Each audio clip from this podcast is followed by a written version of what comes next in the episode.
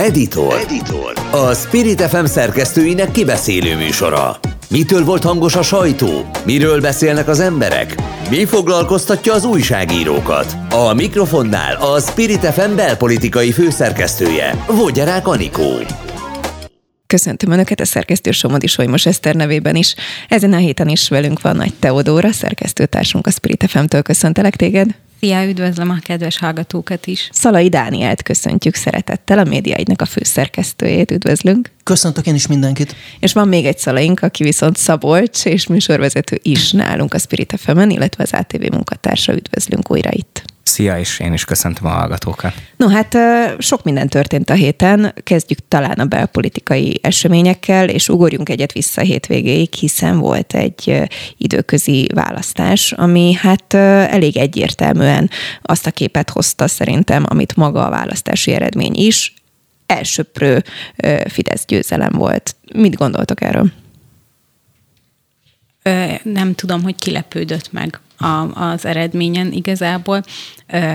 Én egy kicsit a, a részvételi adatokról beszélnénk, mert hogy nagyon alacsony volt. Volt olyan budapesti kerület, ahol el se érte a 20%-ot, ami csak azért érdekes, mert hogy pár ezer szavazattal meg lehet akkor szerezni egy-egy, mandátumot. Tehát az, hogy, a, hogy mennyire távol maradtak, és ugye az, hogy a, fő, főleg az ellenzéki szavazók, mert hogy Budapesten belül is jelentős győzelmeket tudott megszerezni a Fidesz, az azt mutatja, hogy az ellenzéki szavazók azok hát nem elégedettek a, az ő preferenciájukat képviselő pártok választások utáni teljesítményeivel.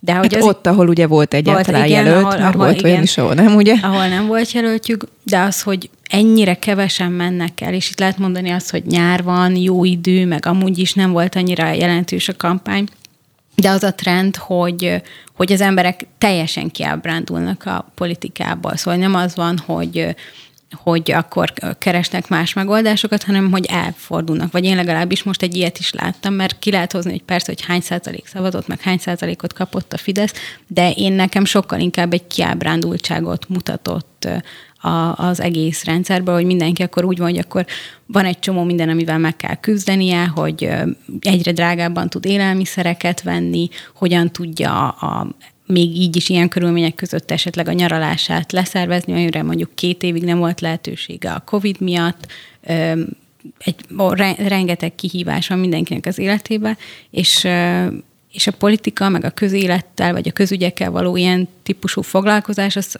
egyre-egyre lejjebb csúszik a listán. Szerint nekem ez rajzolódott ki egy kicsit a, a mostani választási eredményekből az eredmények mellett. Dani nagyon bologatott.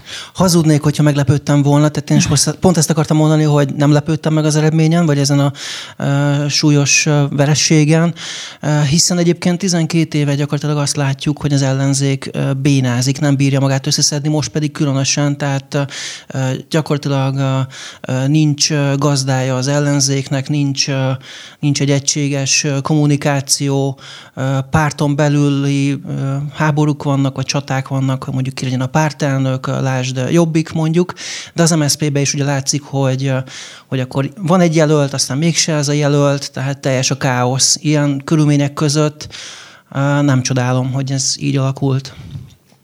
Hát igen, szerintem is Igen, alacsony vesző, volt de...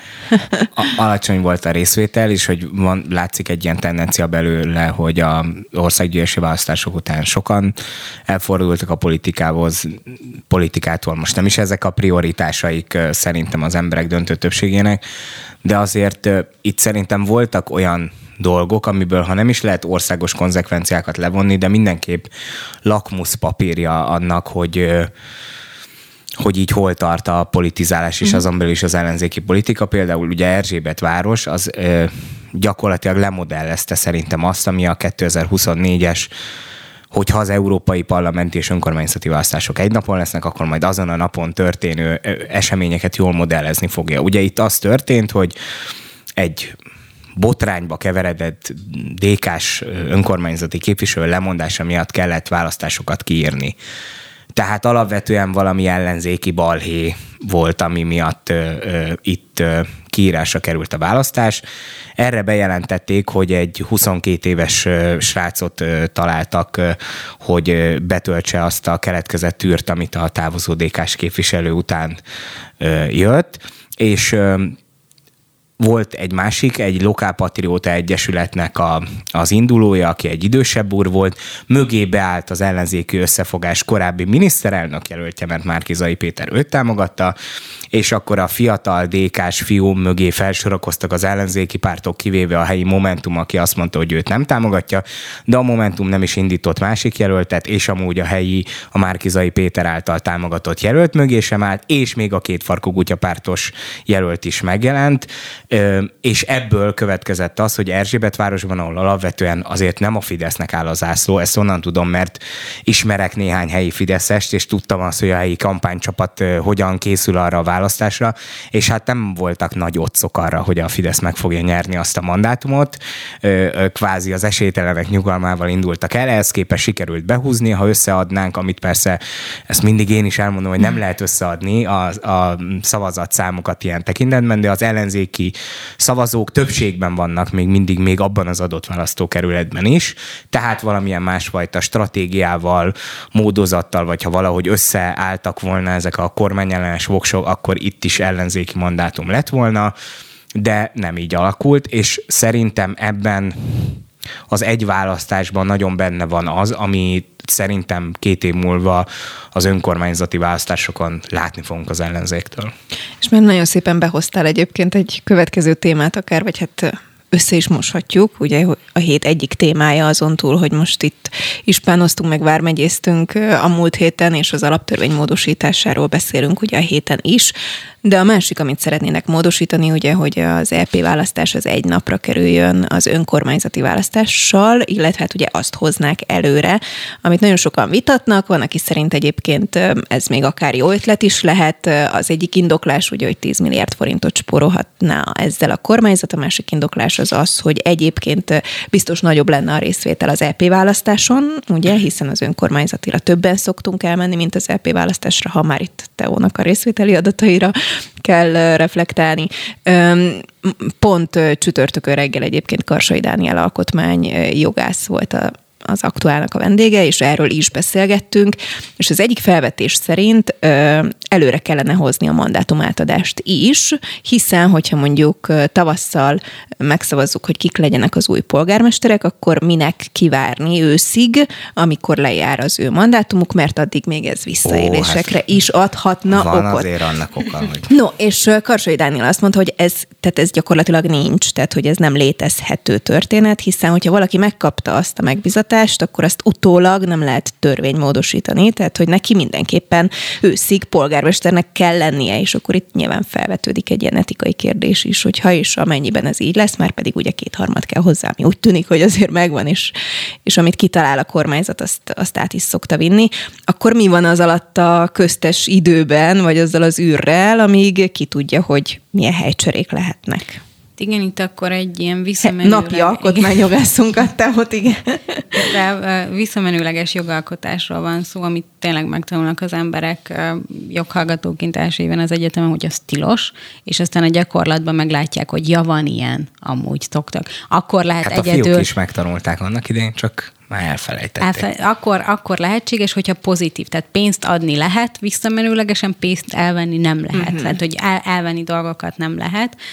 És azért is érdekes, mert hogy akkor ehhez valószínűleg kéne vagy lehetne még alaptörvényt is módosítani, mert hogy ugye a választás is, ahogy úgy akarják átalakítani, az alaptörvényi szinten van szabályozva, és az alkotmánybíróság az a, a, nem vizsgálhatja az alaptörvénynek az alaptörvény ellenességét, szóval, hogy így vissza, vissza igen, hogy, hogy akkor ez tényleg a, a, a visszaható hatály tilalmába esik-e, tehát ilyen technikai dolgokba is persze itt el lehet veszni, hogy akkor ezt most lehet, nem lehet, de tényleg, ha politikai akarat van rá, akkor valószínűleg ez, ez meg fog születni, de az valóban érdekes, hogy, hogy miért nem tudja kitölteni azt a mandátumot, amire megválasztották. Tehát, mint hogyha valakit határozott időre vesznek fel, és úgy szerződik, hogy öt évre, akkor ha négy és fél évnél el akarják küldeni, akkor ott is tehát van, van végkielégítés, meg, meg kompenzáció, meg egy csomó minden, mert hogy arra az időre van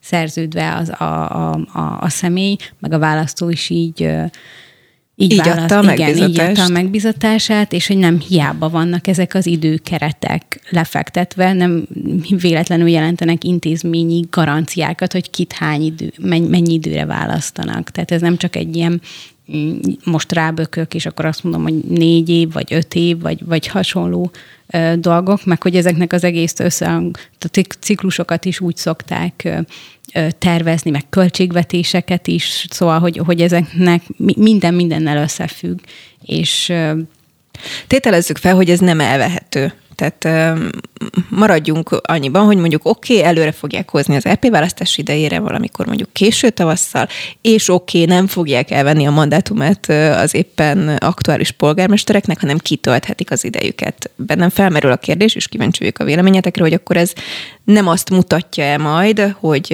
azért lássuk hogy nem biztos, hogy mindenhol ugyanaz marad a polgármester, vagy ugyanolyan pártú marad a polgármester, mint aki éppen most pozícióban van, hogy innentől mindent lehet eh, sárra dobálni, hogy az alatt a fél év alatt loptad el, meg tüntetted el, meg csináltad meg, és akkor itt nem beszélünk arról, hogy mondjuk az meg is történik, de ez a sárra dobálás, tehát szerintem ez egy olyan intenzív eh, fél év lesz, amikor mindent és annak az ellenkezőjét is ki lehet majd ezekkel magyarázni.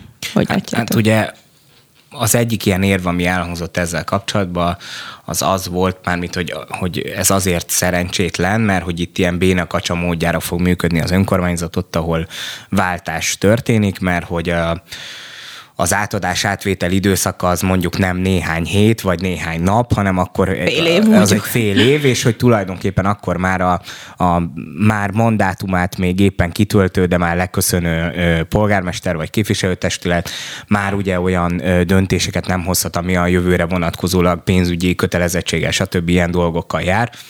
De csak, ez is izgalmas kérdés vissza... egyébként a házi alkotmányjogászunkhoz, majd eh, hagyom, hogy befejezd, csak utána majd reagáljál erre, Teó, hogy egyébként pedig, hogyha ő pozícióban van, akkor kizártnak tartom, hogy mondjuk fél évvel hamarabb elvegyék azt a lehetőségét, hogy ő még fél év alatt mondjuk kölcsön abból a büdzséből. Igen, csak pont azt akartam mondani, hogy a, tap, a tapasztalataim azok, hogy amúgy is az, ez az időszak, ami most ugye egy ilyen, Igen.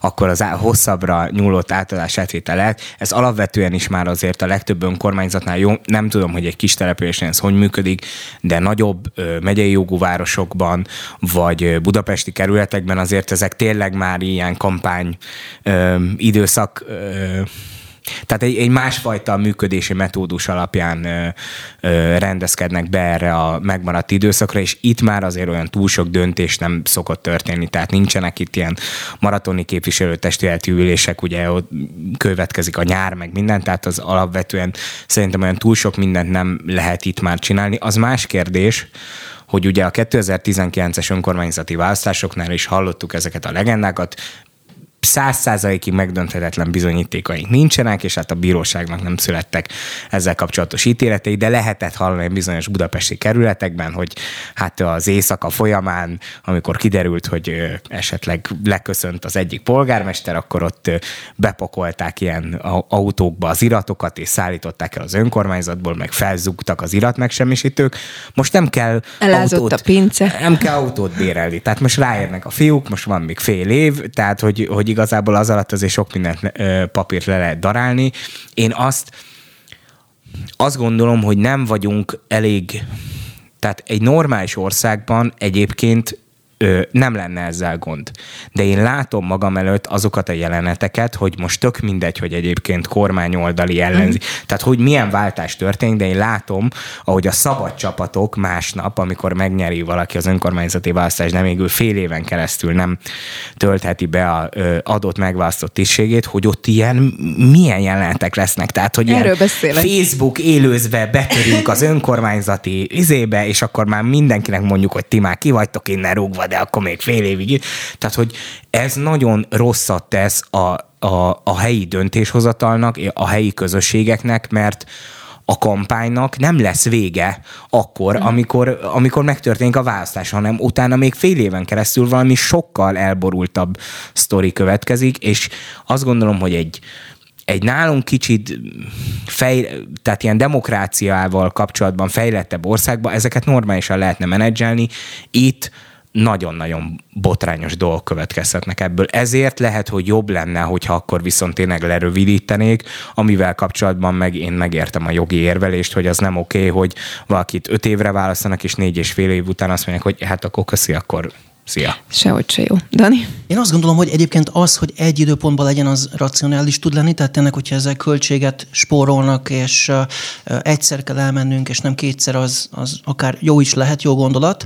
Igen, uh, ezzel nem lehet vitatkozni, itt, nem? Itt magában tehát, szerintem itt... ezzel van a gond, hogy, hogy, hogy rövidül a, a mandátuma, tehát hogyha valakit egyszer megválasztottak x időre, akkor az nem rövidülhet meg nyilvánvalóan. Illetve ez, ami említettetek, ez egy gyakorlatilag a béna kacsa időszakára emlékeztet, amikor van egy polgármester, ő már nem tud igazán cselekedni, bár még formálisan uh-huh. a helyén van, az új pedig még nem tudja elkezdeni a teendőit, tehát ez senkinek sem jó ez az állapot, hogyha ilyen áll elő. No, és akkor még egy kis belpolitika ebbe a fél órába, hiszen ugye Dani már itt említette a Jobbik kontra mondjuk MSP esetleges pártelnök, nem pártelnök, ki lesz, ki nem lesz. Hát ugye a hét híre, hogy Újhely István visszalépett, pedig hát hihetetlen nagy tervekkel állt ő itt elő, hogy tűnjön el a szegfű, meg nevezzük át a, a pártot, meg itt aztán mindenféle új program, meg frissítés, és ehhez képest bevallom engem mondjuk meglepett, hogy így kvázi egyik pillanatról a másikra azt mondja, hogy jó, köszöni szépen, átadja a terepet valakinek, aki egyébként jelezte, hogy köszöni szépen, nem biztos, hogy élni kíván ezzel a lehetőséggel, és akkor még egy fél mondat ehhez. Molnár Zsolt, az MSZP pártigazgatója is volt a vendégünk az Aktuál című reggeli műsorunkban, ahol én kérdeztem őt erről. Ő azt mondta, hogy tökre ráérnek egyébként szeptember egyik kitalálni, hogy ki jelentkezik, ki nem jelentkezik pártelnöknek. Én már itt bedobnék egy ilyen vitapontot, ezzel én vitatkoznék, tehát szerintem illene hamarabb tudnunk, hogy ki az, aki egy pártelnöki pozícióra jelentkezik. És egyébként, mikor megkérdeztem, mondta, hogy kizárt, hogy őt mondjuk ez a poszt érdekelné. Noti, hogyan látjátok?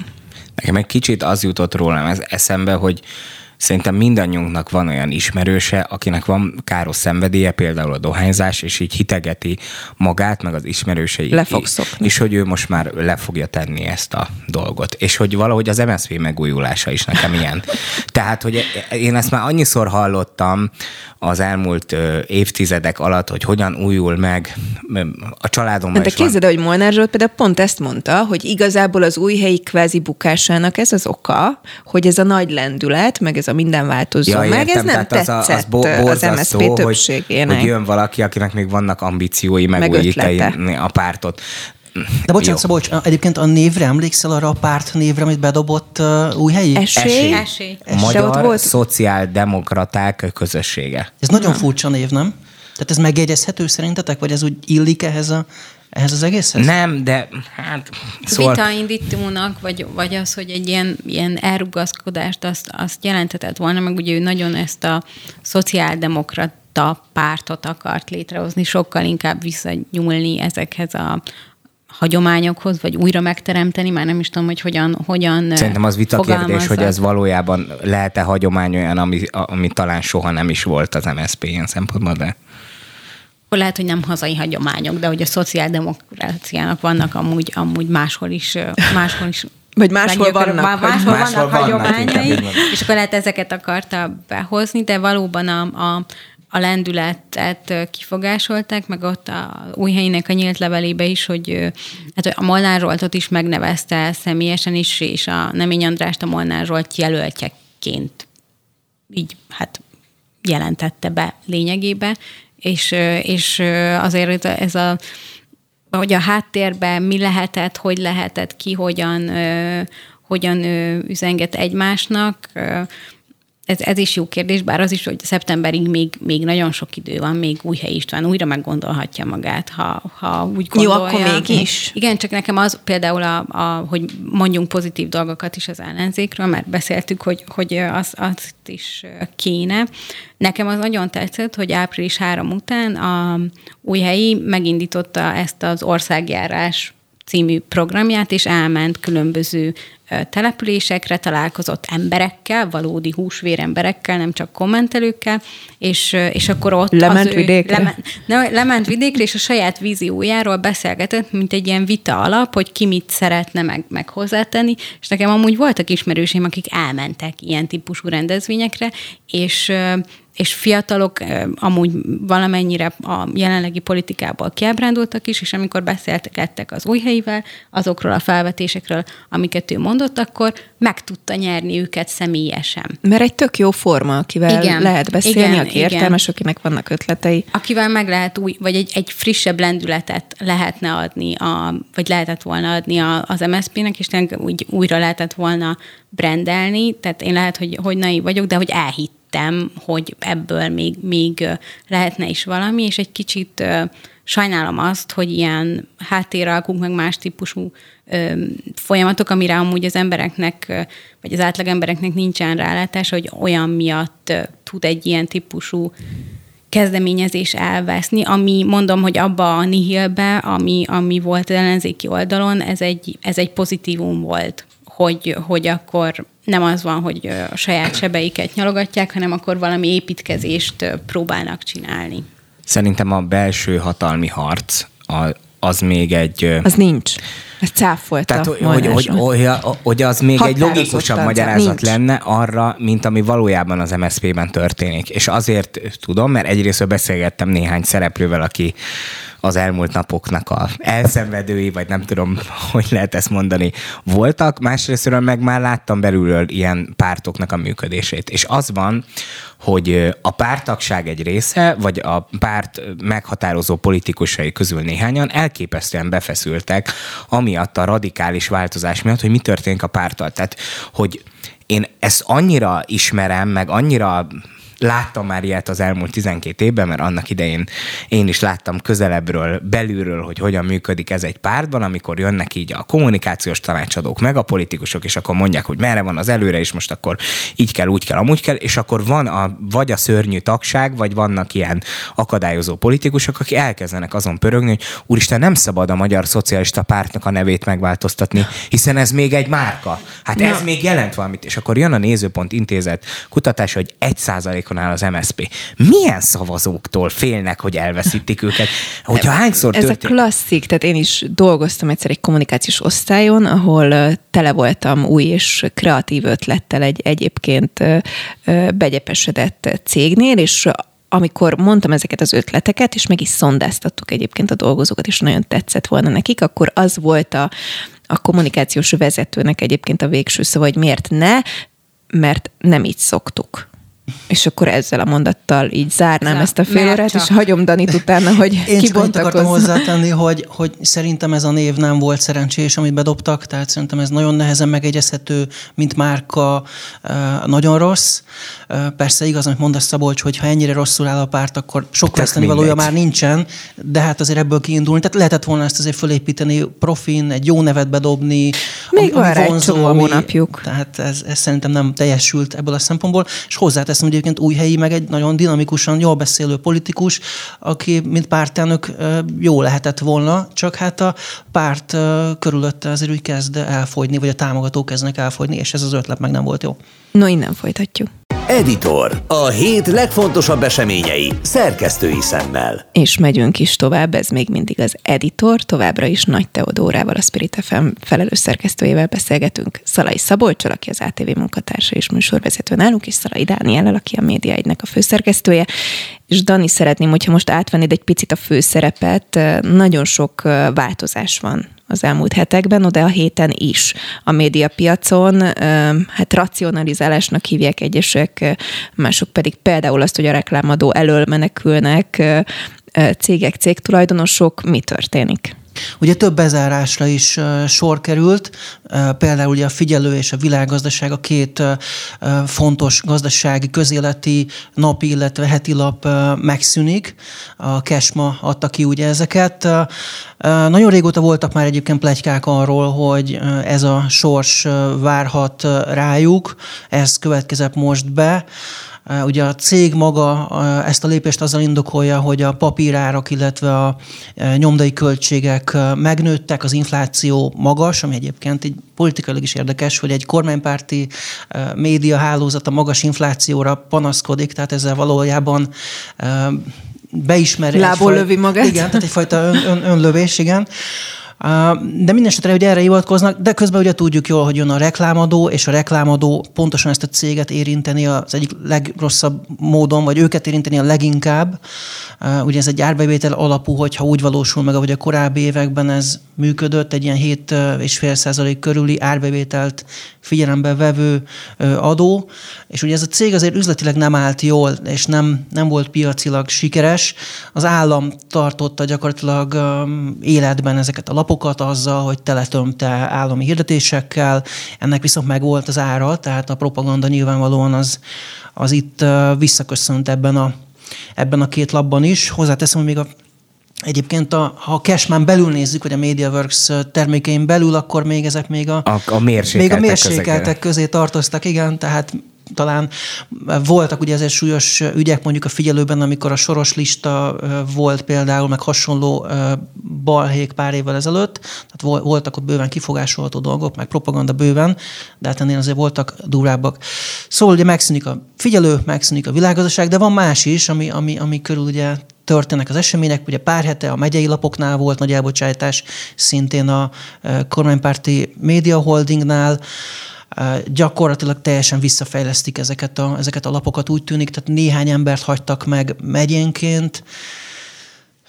Digisport.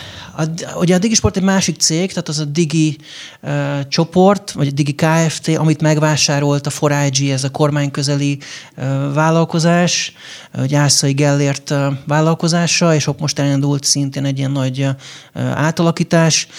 Mm, nagyon sok csatornájuk volt, amit szintén becsuknak, tehát nem is csak a Digisport 1, 2, 3, hanem ezen kívül DigiWorld és még több más uh-huh. csatorna is hasonlóan jár, FilmNow és, és társai is az látszik, hogy próbálják a költségeket visszafogni, ezek azért elég kis nézettségű csatornák voltak, tehát ebből a szempontból értető, hogy ezekhez hozzá nyúlnak, de mondjuk a költségük is viszonylag alacsony volt, mert hát főleg vásárolt tartalmakból működtek, bár a sportcsatorna ugye ez ebből pont kivétel.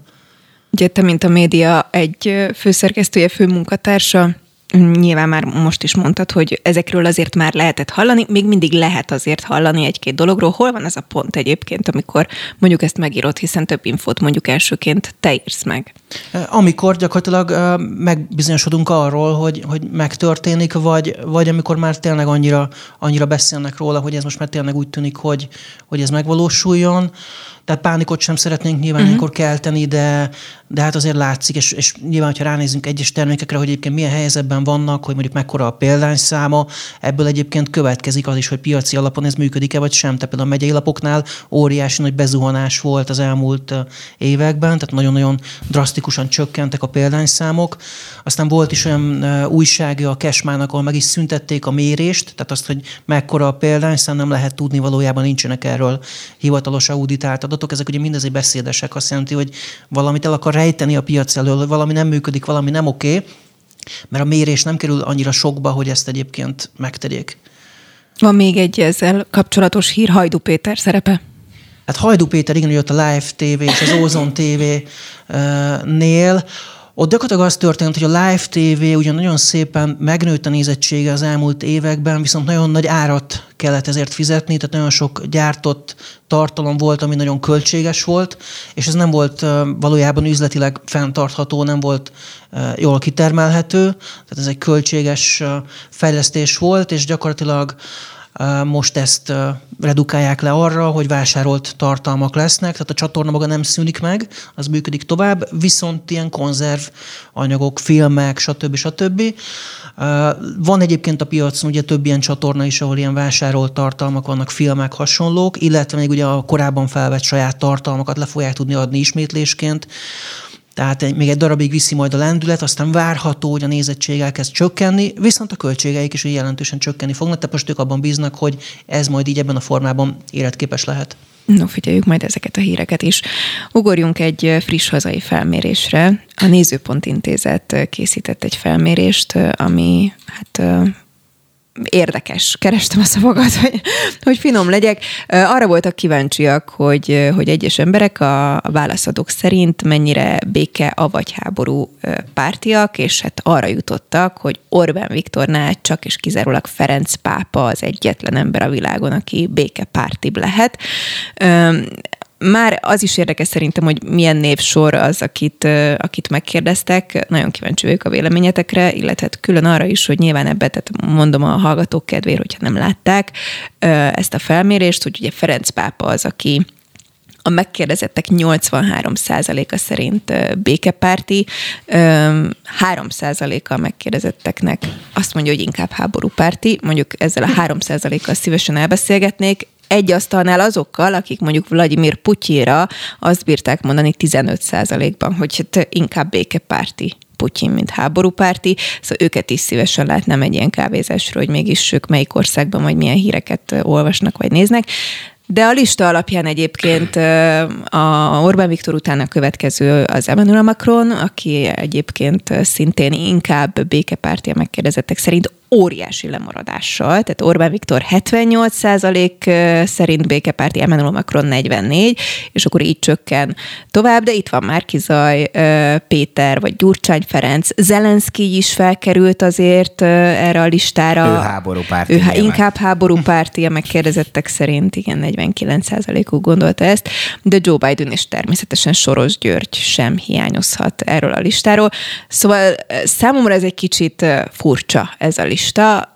Mi próbálunk nyilván ilyenkor mindig mögé nézni, vagy mosolyogni, vagy a sorok között olvasni, de hogyha valaki látja ezt a felmérést, akkor valóban azt látja, hogy hát nézd már, Ferenc pápa jó fej, meg, és Orbán Viktor a következő.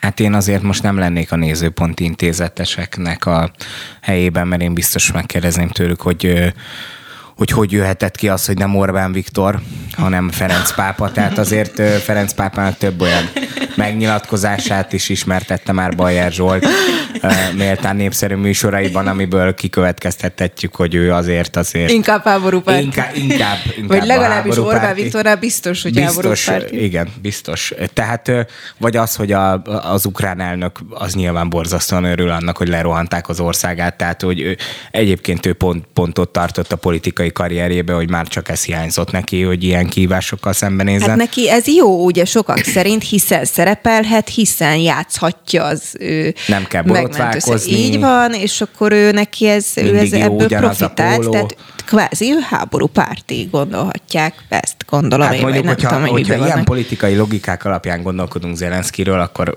na jó, mindegy, belegondoltam, hogy milyen lenne, hogyha Magyarországot megtámadnák, tehát hogy ami bár ne történjen meg, de szerintem azért az itteni rezsim ugyanúgy, vagy akkor az itteni rezsim ugyanúgy megvádolható lenne vele, hogy ebből a politikai hasznot igyekszik kimaxolni. Tehát nyilván van olyan, hogy... Bár nyilván meg... nem tennék ezt. I- igen. De... Tehát, hogy azért az ukrán elnöknek is az elején persze megnőtt a népszerűsége borzasztóan, hiszen mindenki úgy gondol rá, hogy ő az, aki ott kinnál a, a páston is, és védi az országot, és hát tényleg ugye nem véletlenül akarták az oroszok folyamatosan azzal le rántani így a sárba, vagy a népszerűségét meggyalázni, hogy ugye azt mondták, hogy hát igazából elmenekült külföldre, és ilyen tévéstúdiókból veszi fel a jeleneteket, és hogy nincs is a fronton.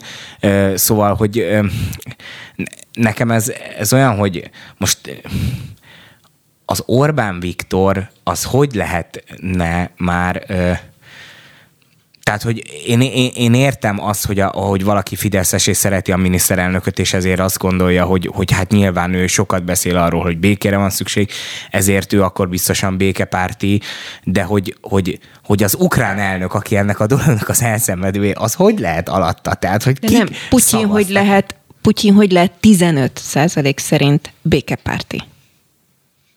Hát az... Hát úgyhogy a nézőpont csinálta a kutatást. Igen, igen szóval itt ilyen módszertani kér, valami az Excel táblában. kérdésekbe is bele lehetne menni, de hogy az is érdekes, hogy hogy egyáltalán a szereplői gárda, akikből válogatni lehetett, meg akik felkerültek erre a listára. Szóval, hogy azt értem, hogy ha mondjuk világvezetőkkel kapcsolatban, akik tényleg döntéshozói hát pozícióban. Igen, és akkor ott van Hát ott mint van a világvezetője, ugye? Igen, igen.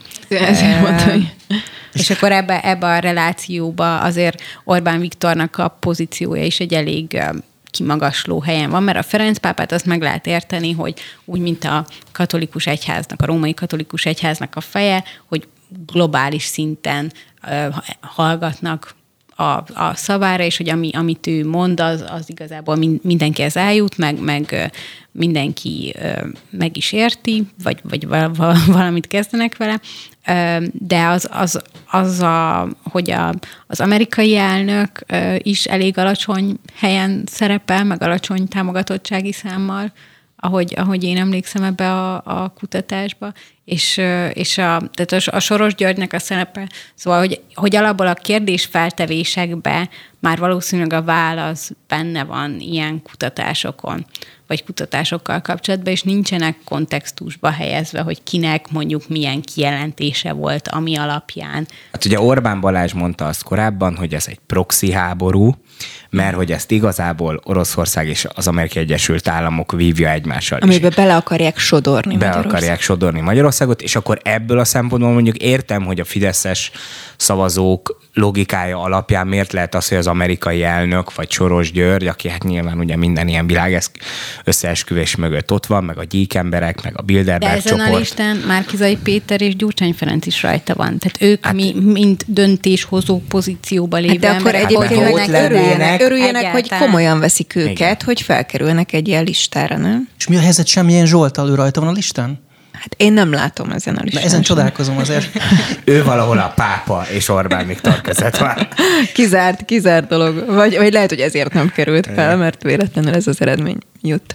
No, egy picit szeretném, hogyha így a vége fele azért a gazdasággal is foglalkoznánk. Egyrészt egyre többen mondják, hogy üzemanyag hiány várható, vagy már van, vagy éppen, éppen ez történik az országban. Ugye sorra jelentik be a kutak azt, hogy vagy korlátozzák, hogy mennyit tankolhatsz, vagy már nem engedik azt, hogy akkor kiskannába tankolja okosan, stb. stb. Én egyébként azt tapasztaltam, a Balatonról jöttem haza, és kiválasztottam azt a benzinkutat, ahol egyébként még lehet 50 litert tankolni, hogy írtatlan sor volt. Tehát, hogy viszont aki teheti, nyilván megpróbálja tele tankolni a kocsiját, pláne mondjuk vidéken, hogyha hosszabb útra indul, hogy ne kelljen megállni a 5 kilométerenként, kicsi 5 litereket tankolni, ti tapasztaltok egyébként ilyet, hogy Teó mondjuk nem autóval közlekedik? Ja, de Szabolcs se.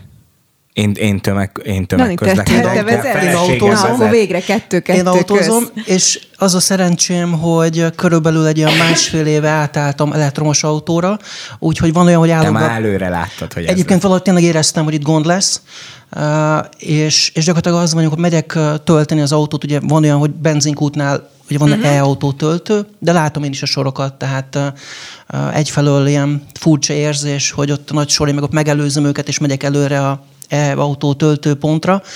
Úgyhogy mindenkinek egyébként ajánlom. Hozzáteszem egyébként, hogy az elektromos áram ára is jelentősen megnőtt, tehát az autó, elektromos autó töltése is megdrágult az elmúlt időszakban. Tudom mondani, hogy most ilyen 150 forint per kilovatóra lett a, a tarifa például, ahol én szoktam tölteni. Korábban ilyen 70-80 körül volt, tehát gyakorlatilag duplája lett a, uh-huh. az áram ára ezeknél a töltőpontoknál.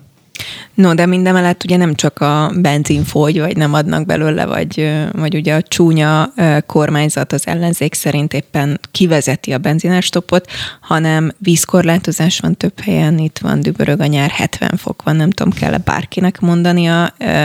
Ha már a Balaton, akkor szuper megérte mennem a Balatonra, mert ülünk egy apartmanban egyébként, ahol légkondi van délután ötig, mert addig nem tudunk megmozdulni és kimenni a gyerekkel. És hát például van olyan üzletlánc, akik mindemellett próbálnak mindenféle nem csak hatósági áras termékekre, hanem például mondjuk WC papírra vagy konzervre mennyiségi korlátozást bevezetni. Mi történik? Hát részben ez a háború miatt van. Ez olyan jó, nem? Ameddig tart, mindenre rá lehet fogni. Igen, de hogy valójában az van, hogy szerintem ebben van valami pozitív. Én ezt már ezelőtt elmondtam, hogy ugye az, hogy persze mindenki nem vásárolhat elektromos autót, mert hogy nagyon drága a technológia. Meg nem lehet kapni is, egyébként, nem csak kapni, halkan mondom, Dani, igen, hogy... Én is, vagy most autóvásárlás előtt vagyunk, nagyon nehéz, ugye csiphiány, kábelek, stb. Tehát olyan vagy, bemész a, a, az autókereskedésbe, és azt mondják, hogy ez, ez van, ha rendelni akarsz, akkor fél év vagy egy év múlva van autó, de e, az, a, az az egy darab, ami ott áll, azt akkor elviheted. Na de nem is ezt akartam kihozni belőle, hanem az, hogy szerintem az alkalmazkodási készségünket fejlesztenünk kell, mert egyszerűen az van, hogy ö, ez már ilyen régi issú, de hogy, hogy ahogy a világ működik, az a fajta globális kapitalizmus, amiben élünk, az így fenntarthatatlan. És egyszerűen az van, hogy ugye ezek a háborúk is, ennek megvan a maga politikai, történelmi, tehát mindenfajta ilyen ideologisztikus dolga, de valójában minden háború azért a történelem során vagy a legtöbb háború erőforrásokért, természeti erőforrásokért zajlik, és részben az orosz-ukrán konfliktus is ide vezethető vissza, vagy valójában a felszín alatt ez az igazi oka. És pont ezért, hogy eb, erre így be kell rendezkedni, hogy ez van, ezért ö, egy kicsit így racionalizálni kellene a működésünket. Tehát itt van ez, hogy bevezették a 480 forintos ár ö, ö, korlátozást a, a benzinnél, és azt látom az ismerőseimnél, hogy az is autóba ül, aki amúgy nem szokott autóval járni. De most nem érted, olcsó a benzin. Nem olcsó a benzin, tehát ö, három évvel ezelőtt még 250 forint tért tankoltuk literét, tehát nem olcsó a benzin, nagyon drága így is a benzin, és valójában még sokkal több, és ennek csak az egyik oka a háború, a másik oka meg az, hogy amúgy ez folyamatosan drágulni fog, mert itt egy meg nem újuló természeti erőforrásról beszélünk, amivel tankoljuk az autóinkat. Tehát már régebb óta sokkal racionalizáltabbá kellett volna tenni, és egy csomó mindenbe, tehát termékek kezdenek el hiányozni. Ugye a Covid alatt is volt probléma a liszttel, a WC papírral, meg a minden ilyen dolog, ami ilyen pánikvásárlás van. De valójában most egy csomó minden dolog, például, hogy a fakitermelés most nem úgy működik, ez megdrágította a papírárát, és akkor ezért nem lesz majd WC papír, meg ezért drágábbak most a nyomtatott újságok. Tehát itt ezért csomó... meg a figyelő, ugye a hivatkozás I- szerint. Igen, tehát hogy egy csomó probléma van, de valójában meg ezek olyan papír, dolgok, amik előbb-utóbb háborútól függetlenül is bekövetkeznének. Minden, mert minden hogy, összefügg. Igen, tehát hogy az van, hogy, hogy, hogy valahol azért ha nem is abba az időszakba lépünk, hogy, hogy mindent így az államnak vagy az üzleteknek kell korlátoznia, de az embereknek is abba kell hagyniuk az ilyen eszetlen, idióta felvásárlásokat, a felhalmozásokat mindenből, mert ennek így nincs értelme. Teó jelentkezik. Igen, én jelent, nem csak, hogy pont azon gondolkozom, hogy amikor a koronavírus kapcsán az első lezárások indultak, akkor hogy, meg hogy utazási tilalom volt, meg, meg tényleg a, a megszokott életmedrünkből ki, kisodródtunk, akkor voltak erről még ilyen beszélgetések, hogy vajon az emberiség rádöbbene arra, hogy, hogy ez a lelassult élet, hogy az a, az a töménytelen, mértéktelen fogyasztás, ahogy eddig éltünk, hogy ez nem volt normális, tényleg a, az össze-vissza röpködések, az, hogy, hogy felfaltuk a saját környezetünket, és, és tönkre is tettük sok szempontból, hogy ez nem, nem visz előre, és hogy nem lesz-e azután az, hogy akkor így is lehet élni egy ilyen nyugodtabb, stabilabb rendszerbe, és hogy nem gondoljuk-e újra az életmódunkat, és nem. A válasz nem. A válasz, a válasz nem. nem. Tehát, hogy onnantól kezdve, hogy, hogy a Covid-tól már nem félünk, és nem tartunk, tényleg, mint hogyha minden visszapattant volna, de most látjuk azt a rengeteg hiányt, ami keletkezett. Tehát az például, hogy a, mondjuk a, csak egyet mondjuk, hogy a reptéreken ugye egy csomó munkahely megszűnt, és akkor most munkaerő hiány van, Ezt és emiatt... tanúsítani. Igen, igen, igen, hogy emiatt, emiatt... Két és fél órát vártuk ugye bőröndöket. Csak nem olyan Danival, Danival együtt utaztunk a minap, igen, és szembesültünk vele. Nagyon aranyos volt, mert megvárt minket az ATV-s csapatot. Kettő és fél órát kellett várni a bőröndjeinkre, és teljesen De ti legalább megkaptátok. Egyébként igen, mert hogy volt ott több száz bőrönt félretéve, aki ki tudja, hogy hány nappal később érkeztek meg, és szegény tulajok hol voltak, illetve kígyózó sor, de én nem tudom, nyilván másfél millió ez a kedvenc számunk. Ember állt sorba egyébként a Lufthansa előtt, egyébként, hogy milyen jól működik az ország, hazafele nem volt gond a csomagfelvétele, csak mondom Ferihegyen. Azóta viszont volt egy hír, hogy valami 150-200 ember éjszakázott Ferihegyen, mert hazamentek a, a rakodók, mert lejárt a műszakjuk, és nem jött az utánpótlás. Az nem volt, hogy 11, 11 óra és reggel 6 között nem működik. Na, a, hát. a, ugye az van, hogy azért szívták meg, mert az érkező oldalon nem is tudsz mit csinálni. Hm. Tehát ugye a, a, a felszállásnál még az a jó, hogy ott az ember legalább az üzletekbe elhesszelget, elhúzhatja az időt, ha hajnalba megy a gép, akkor is lehet valamit csinálni. De az érkező oldalon történt ez, és az volt, hogy, hogy ugye az, az könnyű, aki magyar, és mondjuk az volt, hogy jó, Elhívja majd akkor holnap, izé, holnap visszajövök a csomagomért meg izé. De azok, akik tovább indultak volna, azoknak ott kellett hát. éjszakázniuk, míg reggel hatkor megjött a műszak, mert megmondták, hogy nincs tökéletes túlóra. a rendszer. No, nagyon szépen köszönöm, hogy itt voltatok, ennyi fért bele a mai editorna. Ba, ne, ba, bele. Igen, megyünk vissza, aki teheti, menjen vízpartra, vagy pihegjen bárhol, leginkább légkondicionált helyiségben. Én Somodi Solymos Eszter nevében is köszönöm a figyelmüket, és este hétkor várom Önöket, hiszen élőben itt lesz az ostrom.